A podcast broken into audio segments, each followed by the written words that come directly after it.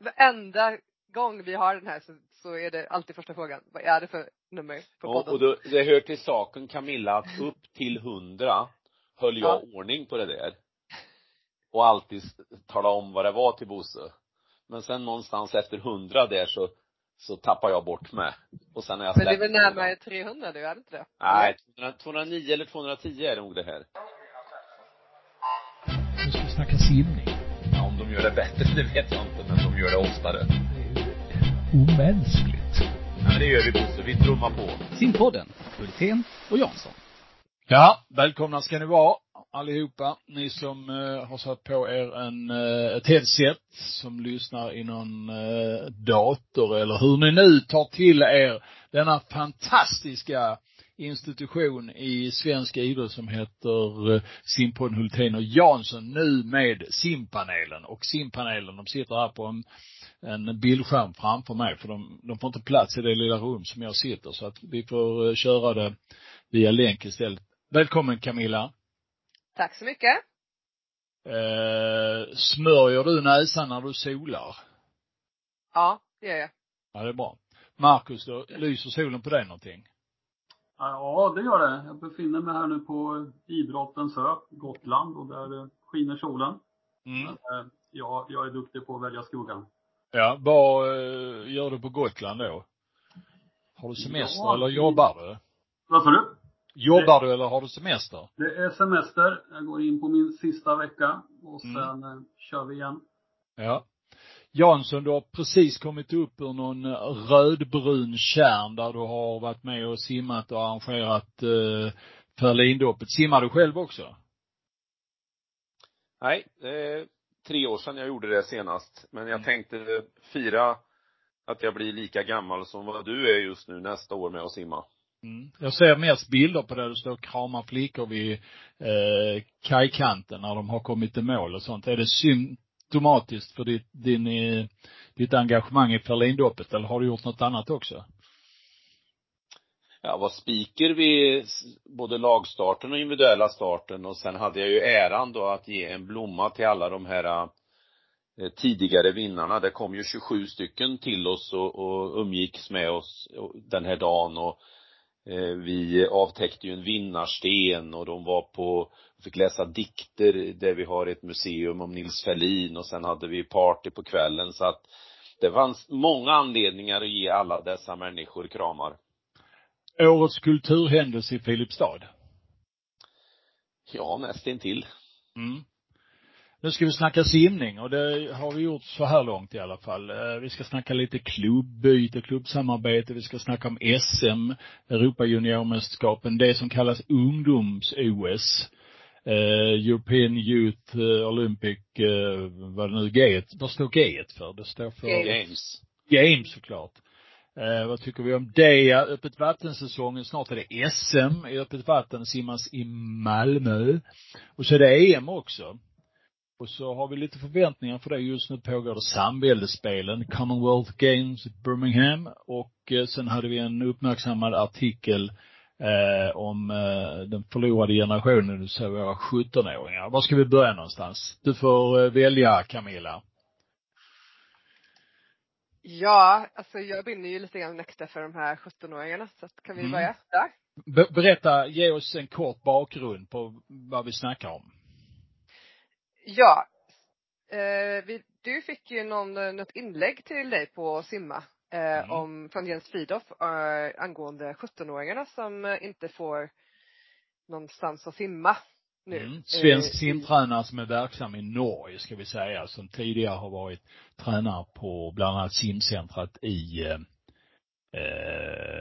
Oxelösund. Nyköp. Nyköping heter det, ja, grannbyn där ja. Mm.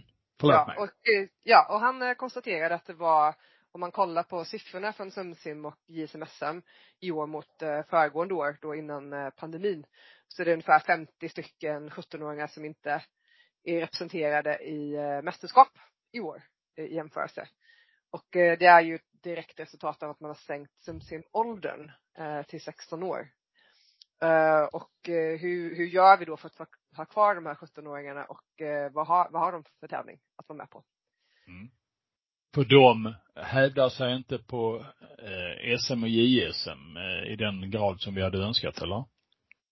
Nej, man har ju sänkt eh, JSM-åldern till 19 år och då skulle ju tiderna bli lite mer eh, lätta att ta sig in till JSM-SM. Eh, men, men den sänkningen har ju varit ganska marginal. Alltså det är fortfarande otroligt stor skillnad mellan eh, att kvala in sig som, eh, till SumSim som 17-åring och kvala in sig till JSM SM. Den, den differensen är fortfarande väldigt stor. Eh, vilket gör att det, det här liksom mellanblocket, de som klarar sig kvala in till JSM SM men inte klarar sig till SM, det, det är de som inte har någonstans att, att simma nu. Eh, och det känns ju väldigt trist för att det, det uppmuntrar ju många att lägga av i förtid. Mm. Argumentet då eh, för att för det första eh, sänka eh, SumSim-åldern till 16 år, vad var det? Eh, man ville ta bort fokuset så mycket på SumSim. Att man vill att JSM-SM ska vara den stora tävlingen och inte SumSim. Och då vill man renodla det till en mer ungdomstävling. Och så var väl tanken också att man ska kunna hävda sig bättre på de här tävlingarna som vi kan prata om sen. EJM och EIOF och sånt. Att på juniornivå att det ska kunna, ja, bli bättre på något sätt. De är likställda åldersklassmässigt SumSim och EM nu, är det så? Jag, jag har inte alla de åldersklasserna i, i skallen. Är det så, Marcus? Eller du vet inte heller? Oj, nej. Eh, bra fråga. ja. Eh. Men om vi säger att det är så då, eh, då har vi alltså tagit bort ska vi säga, lättheten för 17-åringen, eller motivationen för 17-åringen och eh, fortsätta till de är 17 och sen steget in till ett SM blir eh, för stort. Ett SM, JSM. Vad säger du Jansson? Är det bra det? Jag tycker det var en väldigt bra beskrivning uppställning som Jens hade gjort och skickade till dig. Och den där frågan egentligen kan man ju lyfta in i det vi har diskuterat här tidigare, vad finns egentligen för simmare som kommer upp i, i vuxen ålder, 18, ja, även 18-19 års ålder, mer än SM. Och då i det här fallet JSM till 19 år. Och det, egentligen finns det ju i stort sett ingenting. Alltså de, den tävlingskategori som vi har som är 18 år och äldre, det består utav ungefär 250 individer. Det är de som tävlar på någorlunda nivå i vår idrott. Och, och så tar man utgångspunkt från Jens resonemang och lyfter in det i ett större perspektiv på hur vår idrott ser ut så pekar det ju tydligt på det vi har varit inne på massor av gånger att eh, det är alldeles för många som slutar för tidigt. Men är det ett självmål det här med att eh, förändra eh, åldersklassnivån på 16, eller från 17 till 16 år och liksom hugga av ett eh, trappsteg upp till SMJS-nivå här. Eh, hur ser du det, Thomas? Ja, det blir ju, det blir ju lite grann effekten av det och, och fastän jag, jag tycker kanske att vi ska akta oss för att fokusera bara på en ålders klass här för att det är ju som sagt ett större problem som jag mm. som jag nämnde och, och allt med kvaltider som ju då allt för hårt satta som i många kategorier som snarare minimerar och gör att det blir mer elitistiskt i vår idrott som gör att vi förlorar alla de här runt omkring simmarna. Det är klart att det skulle vara 10 000 i 20-årsåldern och upp till 25-årsåldern som simmar på olika evenemang i vår idrott. Men de evenemangen finns ju inte. Nej. Men eh, det är kanske så att om, om vi för, försämrar möjligheterna för eh, de här unga så, så eh, blir det ju mer eller mindre självmål för oss som idrott genom att göra det. Är Marcus din syn på detta? Skulle man eh, införa JSM separat tävling eller? Ja, det har jag alltid sagt. Eh, antingen det eller ta bort det helt. Idag känner jag väl att det finns ju knappt ett, ett JSM. Det är ju någonting man har tryckt in på ett för, eller på ett, på försökspassen på SM. Eh, vilket gör att det blir en konstig progression från, från dagens sumsim där vi gör eh, allting rakt av med försök och final. Och sen gör du steget till JSM som är en förmiddagstävling. Eh, det blir lite snett. Så antingen göra rakt av, behålla H-gruppmästerskap längre upp, stryka JSM och sen ta klivet till riktiga SM. Eller eh, göra en, en, en ungdomsfest, eh, ett riktigt JSM innan du tar steget till SM. Just det här med 16-17 år ser jag en fara att de här 16-åringarna nu som i somras gjorde sitt sista utomhus sumsim, de får väl vara med i höst också va? Mm. Eh, de går ju igenom en stor förändring för de här 16-åringarna, de börjar gymnasiet nu till hösten. Och eh, det är väl troligt att alla orkar kämpa och ser målet där att mitt sista sumsim i höst. Eh, men sen ska de ta beslutet sen i december att nu är jag färdig med det här och belastningen i skolan har ökat och det kanske, ja, det kanske är långt till sommaren och diffusa mål och långt till de här kval, kvaltävlingarna. Så jag ser jättegärna att man har mjukare övergång i de här eh, de här skarvarna från högstadiet till gymnasiet och det finns ju då från, från mellanstadiet till högstadiet också. Att vi inte gör några drastiska förändringar i idrotten där utan mjuka övergångar. Eh, så att man har någonting över de här skarvarna och se fram emot. Så eh, ska vi behålla Sumsim i, i den formen vi, vi simmar idag så vill jag gärna se 17-åringarna där också. Att de får hela sitt första gymnasieår och sen simma Sumsim på sommaren. Mm. Eller är det så att vi ska köra ett eh, kortbane-JSM i två åldersklasser, 17 och 18 år? Kan det vara något? Jansson, vad tycker du? Du eh, har ju alltid idéer om ungdomssimning. Nej men, jag, jag tycker att det ska vara separata tävlingar men problemet är ju att det inte är separata kategorier utan de flesta av dem som är JSM-kapabla är ju också SM-kapabla. Så det stora problemet är ju alla de utanför JSM och SM. Och i viss mån börjar ju den här eh, elitresan redan eh, i samband med eh, Sumsim, de som inte klarar sig att kvalificera sig vidare till Sumsim eh, får ju en svår resa när det gäller att hitta trevliga morötter i, i vår idrott. Så det är ju ett stort grepp som måste tas som, som ju vi här har påpekat. Sen kan man ha lite olika lösningar på det men, men, men det jag tycker är trist är att eh, vi är väldigt få som delar den här problembilden, att det är ett problem som det ser ut. Mm. Så att någonstans är ju sjukdomsinsikten som jag tycker för svag. Mm. Camilla? Ja, eh, jag, Johan Sundqvist, lämnade in en motion till eh, förbundsmöte som var tidigare i år om att just skapa en, eh, en, en ny tävlingsform för de här åldrarna. 16, 17, 18, upp till 19 år. Eh, och det tyvärr blir ju det förslaget nedröstat. Men eh, det var ändå ganska många som eh, stöttade förslaget och eh, vi har fått lite återkoppling från simförbundet att man ändå vill jobba på något liknande koncept. Och det tycker jag är positivt för då tror jag att man börjar väl ändå få upp ögonen för att det här är ett problem. Eh, och att, att det är väldigt tunt eh, bland de äldre. Eh, så att eh, jag hoppas ändå att vi kan liksom få till någonting bättre. Men det, det egentligen är vi behövt ha en lösning redan nu. För att det är ju nu som det är svårt. För nu ser man ju att det är väldigt eh, uttunnat. Eh, om man tänker på Sumsim som var nu i somras så hade man ju väldigt få deltagare. Eller rättare sagt, det var ganska många deltagare. Men man hade väldigt få som var kvalade. Eh, och då blev det så att man till och med fick lägga till en extra, ett extra sätt att kvala in sig till Sumsim. Att, eh, att även lagkapsimmarna, om de inte var kvalade till Sumsim, kunde ändå anmäla sig till utfyllnad. Så att i de flesta grenarna så var ju, jag skulle säga upp till hälften, eller stor del av eh, deltagarna var ju inte kvalade till tävlingen. Men eh, blev liksom inlirade för att de har kvalat in på en gren eller sådär. mm. ändå.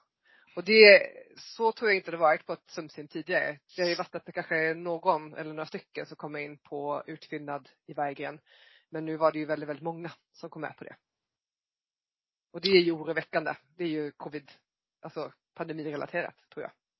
Mm. Jaha, låt oss gå vidare i snacket här. Eh, Klubbyte, klubbsamverkan, klubbsamarbete. Eh, det blev väldigt aktuellt under eh, SM, eh, det här just klubbsamarbetet. Där då Västerås och Örebro slog ihop sina damlag på medleysidan och vann SM-guld på 4 gånger 100 meter medley. Det väckte ju en viss irritation hos många. Och det här har Thomas och jag diskuterat vid några tillfällen. Vi har lite olika åsikter där men Thomas, du, du kan väl kort bara redogöra för din syn på hur detta ska fungera. Nu får du vara kortfattad. Jag ska försöka. Nej men det är ju att två klubbar som inte har då eh, exakt eh, SM-kvalificerade egentligen, så fick jag höra det först, alltså på individuell, nog många till ett lag. Och då skulle man kunna samverka, men då förstod jag också i början i den här regeln att man också var tvungen att ha någon form av klubbsamarbete i vardagen för att kunna göra det här då och plocka ihop. Så tanken var ju att stimulera små klubbar att eh, kunna ha lag på SM helt enkelt. Och, och det här eh, supportade jag väldigt mycket och tyckte det var jättebra. Det här är en, en, det är en bra grej på alla sätt och vis. Men jag sa också det, det ska bli spännande att se, för det, första gången vi såg det tror jag var i samband med SM i Malmö 2019. Några Skåneklubbar som har gått samman. Undrar vad som händer ute i simmarsverige när det blir skarpt läge och någon, några står på pallen. Och nu blev det skarpt läge och några står på pallen och då blev en annan infallsvinkel på det här i form av att det var två större klubbar. Mm. Eller, och då, och, och två rätt stora klubbar från ja, två stora eh, kommuner ja. i landet. Men, eh, men, men min ingångs, alltså så länge vi har sånt regelverk vi har kring vanliga övergångar ser jag ingen, jag ser ingen skillnad mellan att eh, eh, Karlslund och Örebro simsällskap blir ÖSA, att det blir en sammanslagning i Malmö till MKK eller att eh, två Mölndalssimmare försvinner ner till Helsingborg så att Helsingborg vinner ett lagkappslag på herrsidan etc. etc. Listan kan göras lång under de senaste 50 åren. Det, det är samma sak egentligen med små nyanser. Ja, jag tycker ju inte nyanser, det är nyanser i detta utan jag tycker det är rätt så avgörande steg när man slår samman klubbar och, och eh, slår samman ekonomi och pers personal och allt möjligt istället för bara eh, få ihop det där lagom till ett SM när, när man har två, en ryggsimmerska och en bröstsimmerska där, en fjärrsimmerska och en frisimmerska där va. Jag tycker det är stor skillnad på det. Ja, jag, jag är helt emot eh, det här måste jag säga. Jag tyckte att det verkligen hamnade på eh, diskussionens hetaste bord efter det här det var väl så att Västerås hade fyra simmar med på SM eh, på damsidan eh, och så några killar. Och hur man då liksom kan få tillåtelse att eh, slå sig samman med en annan klubb, det ty jag tycker det verkar konstigt. Dessutom tycker jag, ärligt talat, att eh, titta på Västerås i det här fallet som har varit en coming klubb Eh, de senaste åren så tycker jag det är inom situationstecken skämmigt att behöva slå sig samman med en annan klubb för att ha ett SM-lag. Sen att man utnyttjar reglerna och att vi ska ha en acceptans för det, det tycker jag är helt okej. Okay. De har ju följt regelverket men eh, jag anser ju att regelverket är fel. Det är inte fel på klubbarna. De har gjort vad de ska. Vad tycker du Marcus? ja, jag, jag är inne på din linje, din linje Bosse där att när den här regeln eh, blev känd för mig så personligen så, så lockade ingenting. Jag, jag representerar ju en liten klubb eh, som ofta svårt att få ihop lag då på, på högre nivåer. För mig har det alltid varit en drivkraft att, att, att jobba mot det och det blir någonstans när man är framme en liten fjäder i hatten att vi tog den här generationen och, och för oss handlar det ju inte om att simma om medaljer på SM utan att kvala och få vara med och tycker att det var stort. Eh, nu har jag en generation i Motala här och vi simmade lagkapp på, på, på herrsidan. Och det var första gången sedan 2012. Eh, så det känns ju jäkligt gött i, i magen. Eh, så jag har aldrig lockats av den här nya regeln att jag skulle liksom eh, ringa, ringa Finspång eller någon annan klubb i närheten för att bara få simma lag utan strävan att göra jobbet till att få hopp ihop en generation som, som kvalar, den, den är större än bara för att bara få vara med. Mm. Camilla? Ja, eh, jag håller nog med lite både och så. Eh, vi har ju använt oss av den här lagsamverkansregeln. Eh, vi har ju ett NIU i Umeå och eh, vi har ju flera simmare som är från andra klubbar som tränar och tävlar hos oss men inte är medlem i vår förening. Eller de är, tävlar för en annan klubb helt enkelt. Så till exempel, eh, vi har ju två Luleå-tjejer som eh, var med i vår lagkapp nu i somras. Eh, och det är väl egentligen liksom eh, det det var menat för. För att där finns det inga fler eh, i Luleå. Det går inte för dem att få ihop ett lag. Och vi hade inte heller, vi hade två stycken tjejer och de hade två tjejer. Och då funkar ju det här bra. Eh, vi slogs inte heller om några medaljer eller så utan eh, vi på liksom nedre halvan av resultaten så att säga. Eh, och det som var bra för oss det var ju att den ena tjejen var ju bara B-kvalad eh, på Luleå på olika grenar. Och Hon har ju inte fått vara med på JSM om vi inte hade haft den här lagsamverkan. Så för oss eh, så har ju det inneburit att eh, simmare som typ är B-kvalade har kunnat få komma med till tävlingen och det har ju hjälpt att lyfta dem. Eh, så på det sättet tycker jag att den regeln är bra. Ehm, sen håller jag ju med att man, när man inte följer den här regeln i den andan som det är tänkt, vilket är just det här liksom att, att de här Luleå-tjejerna slipper gå över till USS för att kunna få ihop lag. Eh, och vi behåller liksom simningen i Norrland lite starkare, att de får vara kvar, de får ha kvar sina toppsimmare i sina egna föreningar. Eh, när man då har större klubbar som slår ihop sig bara för att ta medaljer, då har man ju förlorat lite grann av eh, meningen med det här. Men samtidigt så förstår jag att de följer ju bara reglerna så att eh, det är väl det hur man kan göra det här samarbetet utan att man får eh, de här negativa konsekvenserna av det. Thomas han viftar som en stins i eh, halsen. nej, nej. nej, men det, tre, tre korta saker. Jag tycker ett, inte man ska blanda in storlek i kommuner, för det kan finnas stora kommuner, Umeå en sån, och det kan finnas små simklubbar där. Så det, den, den faktorn tycker jag inte är, är relevant när man ska skärpa till regelverket här. Och den andra som jag heller inte tycker man ska spela in, vilken, hur, hur bra placering kan en sån här effekt få? Alltså ska det gå vidare att det ska inte ske om man går till final eller tar medaljer, den tycker jag inte heller. Däremot måste ju simförbundet tydliggöra regelverket mycket, mycket mer. Vad, vad är andemeningen? Hur ser regelverket ut? Eftersom de här fyra simmarna nu i Örebro och Västerås som stod eh, alldeles nedanför där jag stod och såg lyckliga ut. Det är ju precis det vi vill uppnå på en simtävling, att folk är glada och lyckliga. De åkte ju hem eh, med en jättegod känsla och eh, så länge inte Örebro eller Västerås har fuskat så lägger vi, tycker jag, fokus på tydliggör hur regelverket ska vara. Absolut. Och eh, jag eh, ställde den här frågan för eh, två veckor sedan till regelkommittén. De har ju en ny ordförande Eh, och Agneta Edvinsson, hon bor här i grannbyn tänkte jag säga, från där jag är. Eh, skickade den till henne. Eh, hon tyckte den hade en dignitet eller om det var av eh, så att hon inte varit med så länge så att hon skickade vidare den till simförbundets styrelse. Och då har jag skickat den till simförbundet och det är några veckor sedan och eh, frågan är om vi får något svar därifrån. Eh, de kommer att få en påstötning om en vecka om de inte har svarat. Eh, så vi vill ha en, eh, ska jag säga, ett, eh, ett uttryck för hur den här regeln ska hanteras i eh, framtiden av simförbundet. Får vi se om de eh, tycker eh, det är okej okay att svara oss eller hur det blir. Så är det i alla fall. Ja, där har vi lite olika åsikter. Jag tycker det är en devalvering av lagkapporna. Jag tycker det är en devalvering av sättet att se tävlingsidrott när man gör på det här sättet. Det är min definitiva åsikt. SM, har vi tyckt någonting om det tidigare?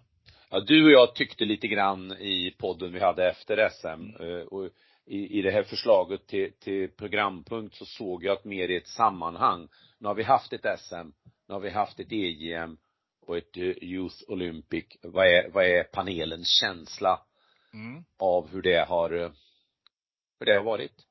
Ja. Marcus, har du följt de här tre tävlingarna allihopa? Eller? Eh, ja, två i alla fall har jag ju varit fysiskt på plats. Både SM i Linköping och Sumsim i Norrköping.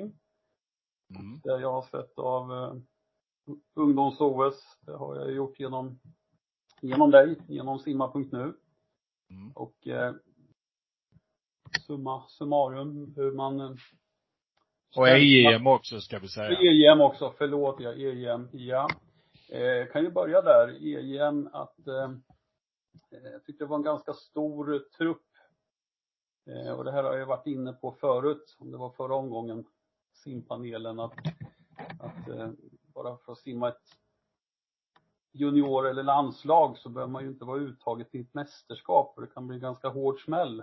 Och det var nog ganska många simmare där som fick ta en ganska hård smäll på hur, hur nivån är där ute. Eh, med många placeringar plus 50 och sådana saker och då är frågan är vad, vad ger det? Eh, då kanske det är bättre att hitta andra tävlingar på rätt nivå där man faktiskt är med och tävlar och man, eh, ja, man åker till Danmark till exempel, till exempel och simmar den här Danish Open och får simma försök och final och den biten. Och, ja, det kan bli en hård smäll när man tar ut för, för stora trupper där man inte riktigt håller måttet. Eh, så där, där, där, känner jag väl att kanske lite för många simmare den här sommaren fick chansen på EM.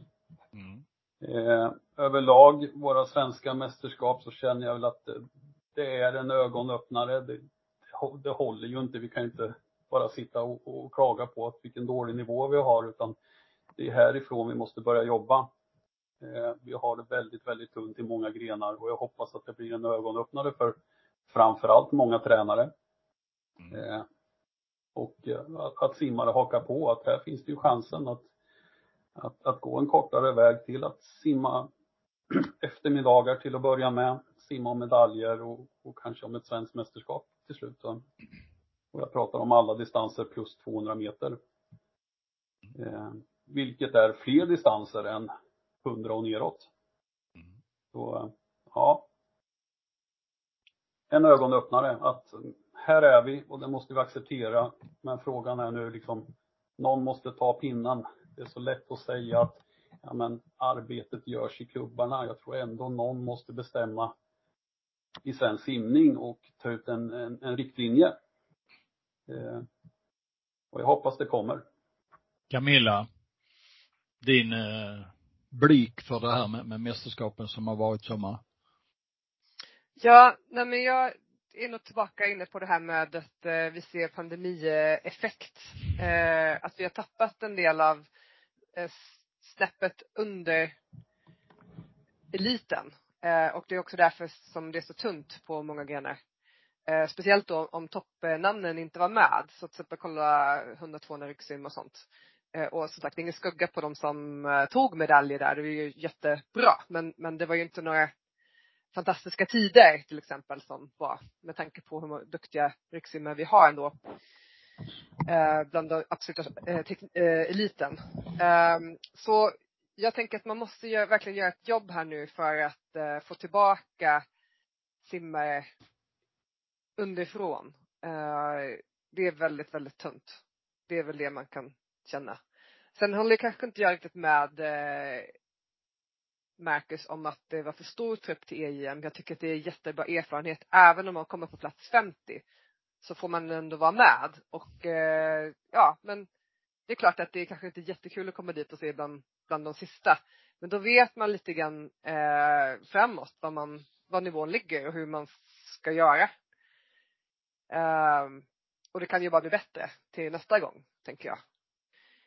Eh, och jag tror vi behöver den här eh, det håller jag till med dig om Marcus, att vi behöver mer tävlingar där fler kan få åka på. Eh, så var det ju lite grann när, när jag själv var yngre, att man blev skickad på, på lite olika tävlingar i Europa.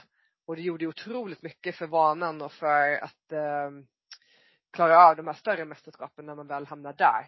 För att det är så stor skillnad mellan det och det som händer i eh, tävlingar vi har på hemmaplan.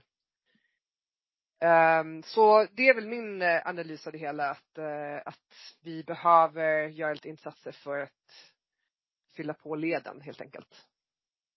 Innan jag bollar över till dig Thomas, det jag reagerar på när, om vi snackar EM, det var ju att eh, väldigt många av simmarna nådde inte sina bästa resultat under säsongen. Man var alltså klart sämre än eh, de personliga rekorden och det tycker jag eh, Eh, kanske eh, bör lastas på det här eh, oerfarenhetskontot, att man inte är van att vara ute.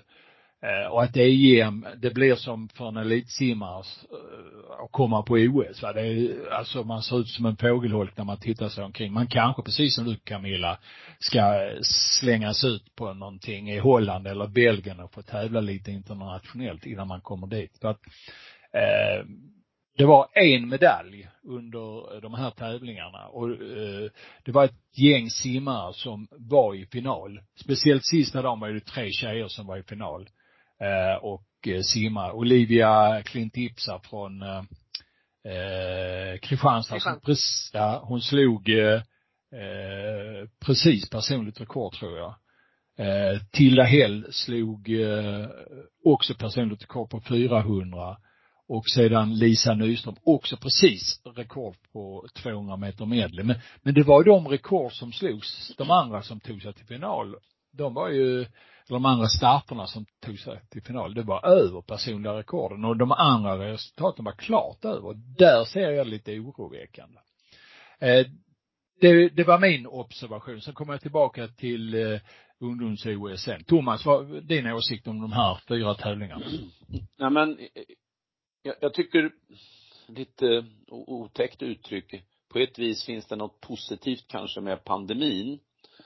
För det som har förstört då tack vare pandemin gjorde, tror jag, att fler öppnade ögonen för det vi egentligen har sett sedan 2015. En del har ju tittat lite snett på när man har eh, gjort den här eh, fina statistiken, alltså poäng, fina poängen på de tio bästa placeringar, eh, tiderna. Och, och vi har kunnat peka på att det år för år då så har vi tappat på den nivån. Det, det här har ju ingenting med att göra hur fort eh, Louise Hansson simmar utan det har ju att göra med allt det andra va. Och nu, nu tror jag då, lite tack vare pandemin, att kanske en del öppnade, eh, får lite öppnare ögon för att vi befinner oss i ett sakta sluttande plan på flera områden när det gäller simningen i Sverige. Och det, det tror jag är väldigt viktigt att då ödmjukt ta sig an. Och sen är det lite förvånande om vi kommenterar det här med personliga rekord och huruvida tittar jag tillbaka lite i, så har det varit många simmare som har kommit ut med låg erfarenhet som ändå har satt personligt rekord. Så jag tror man ska gräva lite djupare också i resultaten på EJ än varför de blev som det som de blev då. Så att, nej, det, det är ett litet allvarligare läge kanske än eh, nog många vill erkänna. Mm. Eh, ska vi skicka in de där tävlingarna? Jag ska ha någon eh, kommentar här runt eh, European Youth Olympic Games, som det heter. Eh, och det visar ju också, alltså man ser att det är stor skillnad mellan svensk och internationell simning på ungdomssidan. Det var, var ju egentligen en simmerska som riktigt bar det här naturligtvis va. Och det var Emmy Hellqvist från eh, eh Täby som var i eh, final och tog medalj också på 100 fjärilsim. Eh, och var i final på 50 frisim. Men sen, sen var det väldigt tomt, tomt bakom. Eh, vi hade ju bara fyra simmare med. Eh, vi hade ju final på, vad heter han, Glader, Axel. Eh, men han var ju faktiskt där såg man han var tre sekunder över perset när han simmar i finalen. Eh, bara som en, en, en kommentar ytterligare här. Eh, men som sagt var, det är eh, eh intressant att se skillnaden på svensk och internationell ungdomssimning. Och det, det är som, som du säger Thomas, det är verkligen en ögonöppnare i de här sammanhangen. Mm. Eh, öppet vattensäsongen är i full gång. Nu är det varmt i vattnet så nu kan man ju simma ute. Men det har du gjort hela året Thomas. Och du också Camilla. Ja, Camilla gör det nästan ja. hela året. Umeälv är aldrig varm. Nej. Nej, det är typ eh, 16 och en halv grad just nu. Som vi ja. simmar i. Ja men det är, det är ju, helt okej. Ja. Det är ju nästan hett ju. Eh, Camilla, ska ni vara med på SM i Malmö? Simklubben Ran arrangerar, ja. Det ska ni? Ja. Ska du simma ja. själv? Jajamän. Eh, vi åker dit med eh, nio simmare. Oj! Ja. Vi ja. brukar ju åka med ganska stora trupper. Mm. Något år tror jag vi hade 26 stycken med liksom masters och allting. Ja, alla kom hem och alla kom i mål. Ni har hittat alla, ja. Ja, faktiskt. Ja. Eh, vi har två mastersimmare och sen så har vi eh, massa sumsimmare och två stycken eh, JSM-SM-simmare. Mm. Som ska dit. Och vi kommer ha två lag, eh, ett SM-lag och ett eh, ungdoms-SM-lag. Så det kommer bli eh, kul att se hur det går för våra unga, duktiga öppet vattensimmare. Mm. Jag har inte riktigt satt mig in i det, men jag tror man ska simma ut i Limhamn runt ön va? Uh, I det, hamnen? Det, ja, alltså ute i Limhamn. Inte i, i eh, den andra hamnen inne i Malmö, utan ute i Limhamn tror jag. Ja, mm. ja men det blir trevligt. Uh, förhoppningsvis ska jag kunna komma dit och titta. Uh, Jansson, ska du vara med? Nej, jag ska inte vara med, men jag tror att den där, alltså öppet vatten eh, möjligheterna är också en möjlighet för svensk simning i stort. Men man måste då kanske också börja värdera öppet vattendelen på samma sätt som man värderar bassängdelen. Både när det gäller status av ett svenskt mästerskap och så vidare. Eh, och mycket positivt har det ju hänt kring öppet vattensimningen de senaste åren. Nu vet inte jag exakt hur många som brukar vara med på ett SM, kan du det Camilla? Totalt här, blir det en 400-500 totalt? Oh, är det så Nej. många? På det blir inte det. Ja, to, ni var ju tio. Ja, nej, nej, nej, det är inte alls. Vi, vi är en av de största föreningarna som okay. kommer hit. Ja. Det är så många. Nej, det, det är nog inte ens, eh, jag skulle säga att det är kanske 150 totalt. Ja, ja. 200 och, och, då, och då borde det ju finnas en jättemöjlighet för många här. Så att eh, men det här så länge vi ska använda sommaren till semester och inte ha tävlingar och verksamhet så blir det ju svårt att få upp ett vattendelen att växa också. Men jag ser ju korn någonstans. Karlstad simmare här som satsar på öppet vatten-SM som också har simmat bassängdelen. Så att det här öppnar ett litet positivt fönster tycker jag med öppet vatten Marcus, du har en fot i, i det öppna vattnet och ett i bassängvattnet och en på cykeln tänkte jag säga. Ja, det stämmer. Eh, jag ska inte säga att vi gör en, en, en, en satsning på öppet vatten. Däremot så, precis som Thomas var inne på, så gör, gör vi ingen skillnad på öppet vatten och bassäng. Utan eh, jag åker ju på de här arrangemangen. Vi bestämde i år att Eh, de som vill ska få simma hela den svenska kuppen Open Water Trophy. Och då har jag varit med som coach på alla de här tävlingarna och eh, jag är ganska ensam ska jag säga. Eh, det står inte många tränarkollegor på, på kanten där när det arrangeras uppe vatten. Det är Camilla man morsar på. Eh, sen är vi inte många fler. Så eh, det är väl den inställningen jag har och som jag har fått med mig min klubb på att eh, de som vill de får och då stöttar vi det. Så vi åker med samma fokus upp till Vansbro och nu ner till Malmö då. Mm. Jag kommer åka med 13 simmare den här gången. Oj. Mm. Härligt. Då, då, har, då har vi ju liksom eh, koncentratet av de stora klubbarna här i simpanelen, bara, bara det. Det är bara du Jansson som ska sparka iväg 10 Filipstadar nästa år. Ja, och eh, jag höll på att säga fler och ett tillägg då till det om vi, vi tittar på våran lilla fällindoppstävling som ju då går längs en strandpromenad. Den är ju fylld av åskådare. Alltså, det, det, folk tycker ju det här är ganska trevligt. Så det, det finns jättemånga eh, möjligheter med ett arrangemang av ett öppet SM om man hamnar på rätt ställe. Alltså jag ser ju Eh, just det här att förstå sig på ett eh, open water, det är ju annorlunda än, än att se en sim, eh, simtävling inne i en simhall. För i en simhall, där måste du gå in i en varm simhall, sitta, se ett antal hit. Du, du är inte riktigt klar över vem som vinner, för det kan vara många hit och sådär. Men i öppet vatten är ju liksom den som kommer först i mål i det gänget har vunnit. Och sen spelar det ingen roll hur snabbt den simmar va. Utan det är ju kampen som är intressant. Och därför så tror jag att, att publiken kan ta till sig open water på ett annat sätt än vad man gör med bassängsimning. Men det, det där kan ni mycket bättre än mig. Och vi tog ju ett grepp tack vare, ursäkta mig, upp. Nu fick kanske... jag riktigt upp i halsen. Jo, vi, ja. vi tog ett grepp tack vare pandemin att dela herrar och damer. Och det var ju det bästa vi kunde ha gjort, för helt plötsligt så blev det ju, precis som du säger, första dam i mål fick full fokus, hon var vinnare. Och sen första herre i mål, först i mål var vinnare. Eh, det gjorde ju jättemycket för eh, det pedagogiska i tävlingen. Så sen har vi ju fortsatt med det. Mm. Ja, har vi något mer att säga om Open Water eh, Trophy eller eh, säsongen?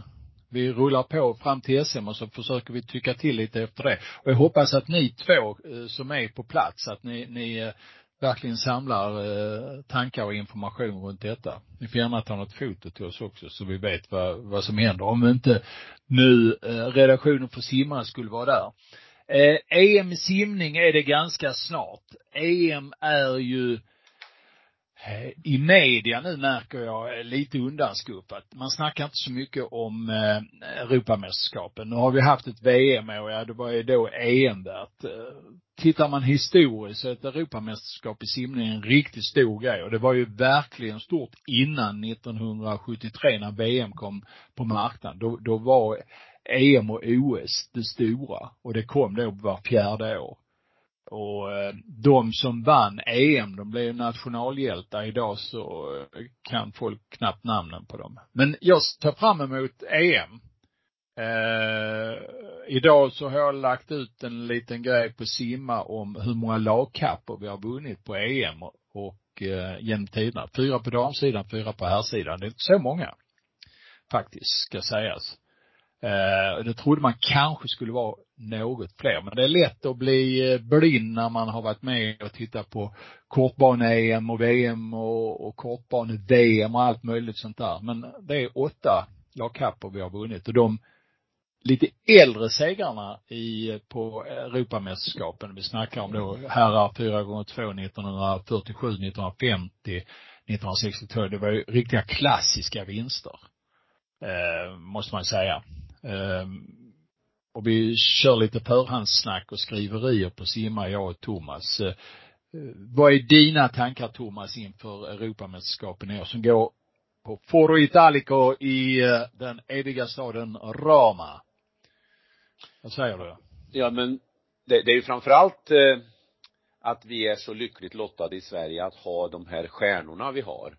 Det gör ju att vi kommer, tror jag, få en härlig simfest det är klart att Sara får leva med, alltså då menar jag Sjöström, får leva med att vara superfavorit på 50 fjäril, 50 frisim. Vi har Sofie och Louise Hansson som klart är medaljkandidater.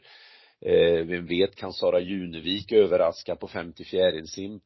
Eh, får Björn Seliger har ju sagt att eh, han har fokus på EM här. Kan han bli första manliga eh, sprintmedaljören på många år etc. Eh, hur kommer det här satsningen på 4 gånger 100 frisim som startade med tanke på att redan till Tokyo, nej vad säger jag, till Paris vara eh, klara, kommer de att kunna sänka sin tid från VM 3.15 och delar till kanske 3.13 och höga. Ja, det är jättemycket godis i den där påsen. Camilla, du har varit med på några EM, eller? Hur? Jajamän. Mm. Din, Ja. din känsla inför, inför EM och hur tänker du eh, när du tittar tillbaka på Europamästerskap?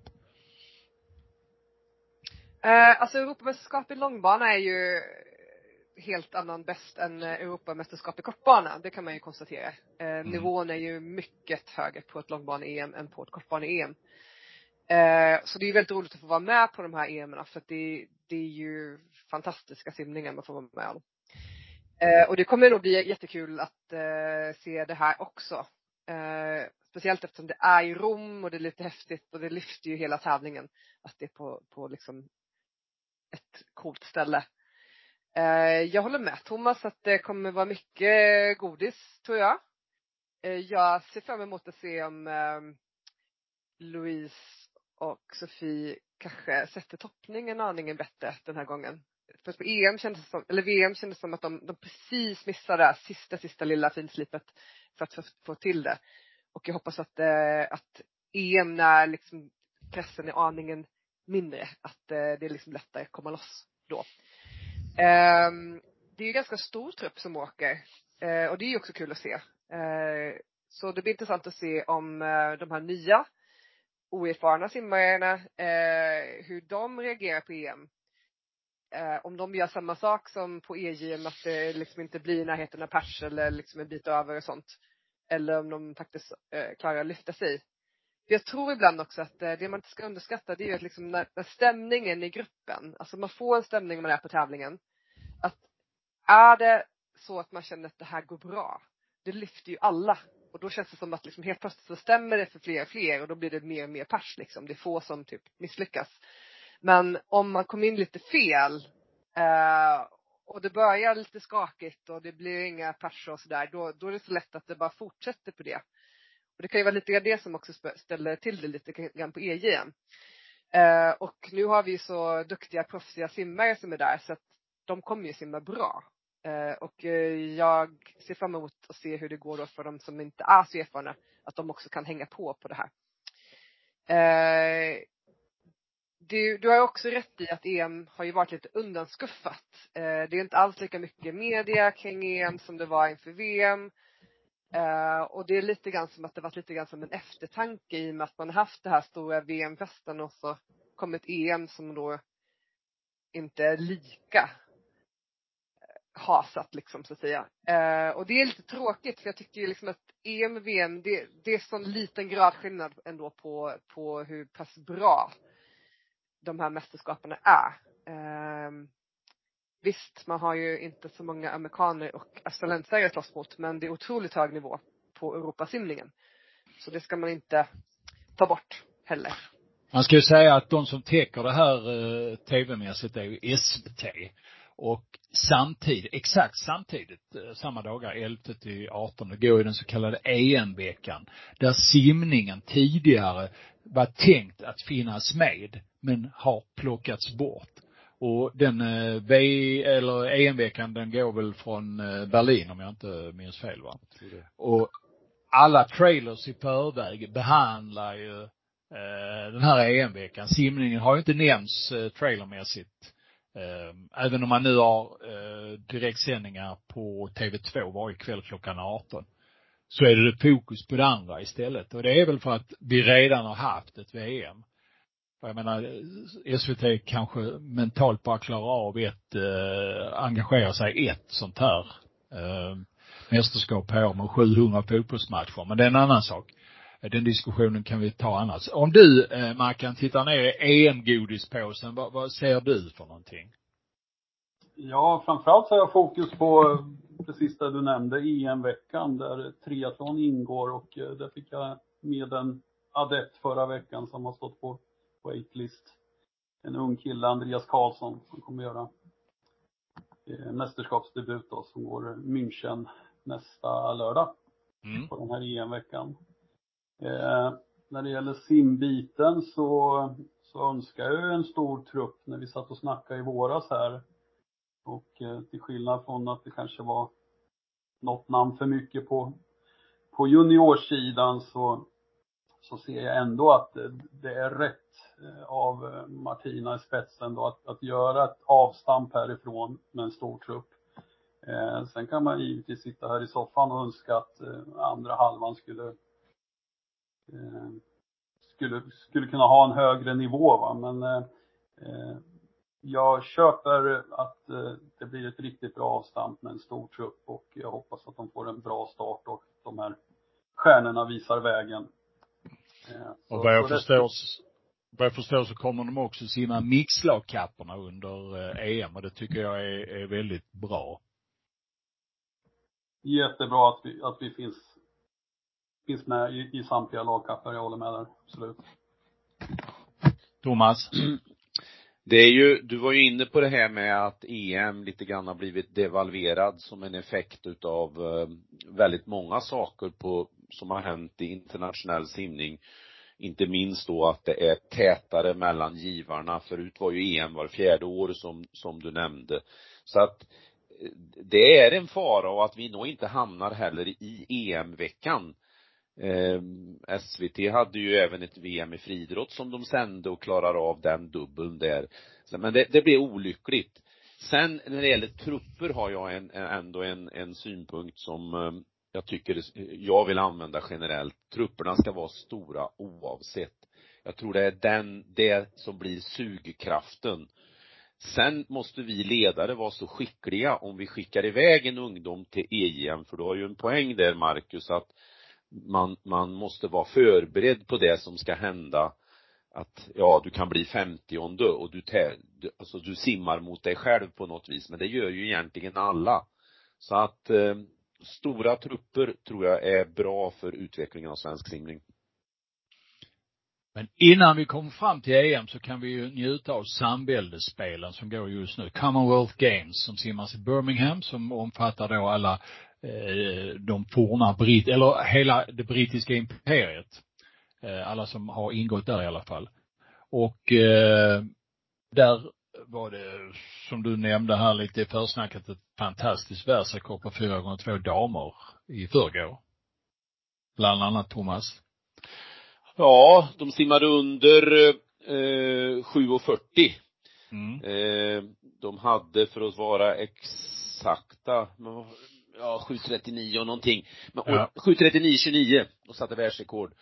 Eh, och där på sista sträckan hade ju Ariarne Titmus 1.52,82 och hon visade ju också individuellt att hon är kapabel att eh, ta hem världsrekordet på 200 frisim också. Det är ju bara nå, en liten bit kvar där.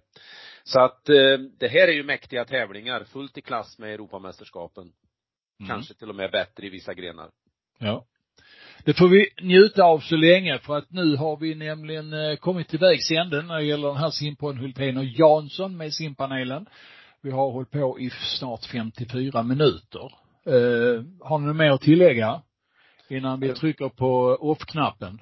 Ja, det var ju skönt för England att äntligen få en titel i fotboll. Eh, för deras självkänsla. Mm. Så var det. Och jag älskar den, det engelska lagets framåtanda och deras aldrig eh, sinande energi. Sen att Tyskland kunde vunnit dem, men eh, deras storstjärna varit med, det är en helt annan sak. Men eh, underbar eh, fotbollsmatch, tycker jag det var, även om det blev lite målfattigt. Men jag gillar energin. Och hon den här förbundskaptenen i England, eh, hon är, vilken pärla va. Först Holland då från nästan nothing till att vinna EM och sen nu tar hon hand om England och så får hon alla att springa i samma, på samma håll. Det är fantastiskt duktigt gjort. Men jag tycker det är jättekul att Sverige har så många mer fotbollsmedaljer än England, både på herrar och damsidan. Ja, så är det. Det är lite kul i statistiken.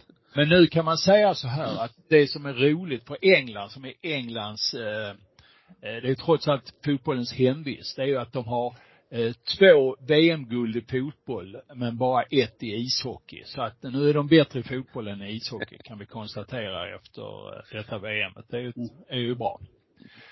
Eh, då säger vi hej och tack. Tack allihopa för att ni var med. Tack för att ni lyssnade, ni som har stått ut med oss hela den här vägen och så hörs vi nästa gång förhoppningsvis. Hej och tack. Nu ska vi snacka simning. De gör det bättre, det vet jag inte, men de gör det oftare. Det är ju omänskligt. Ja, men det gör vi Bosse, vi trummar på. Simpodden, Hultén och Jansson.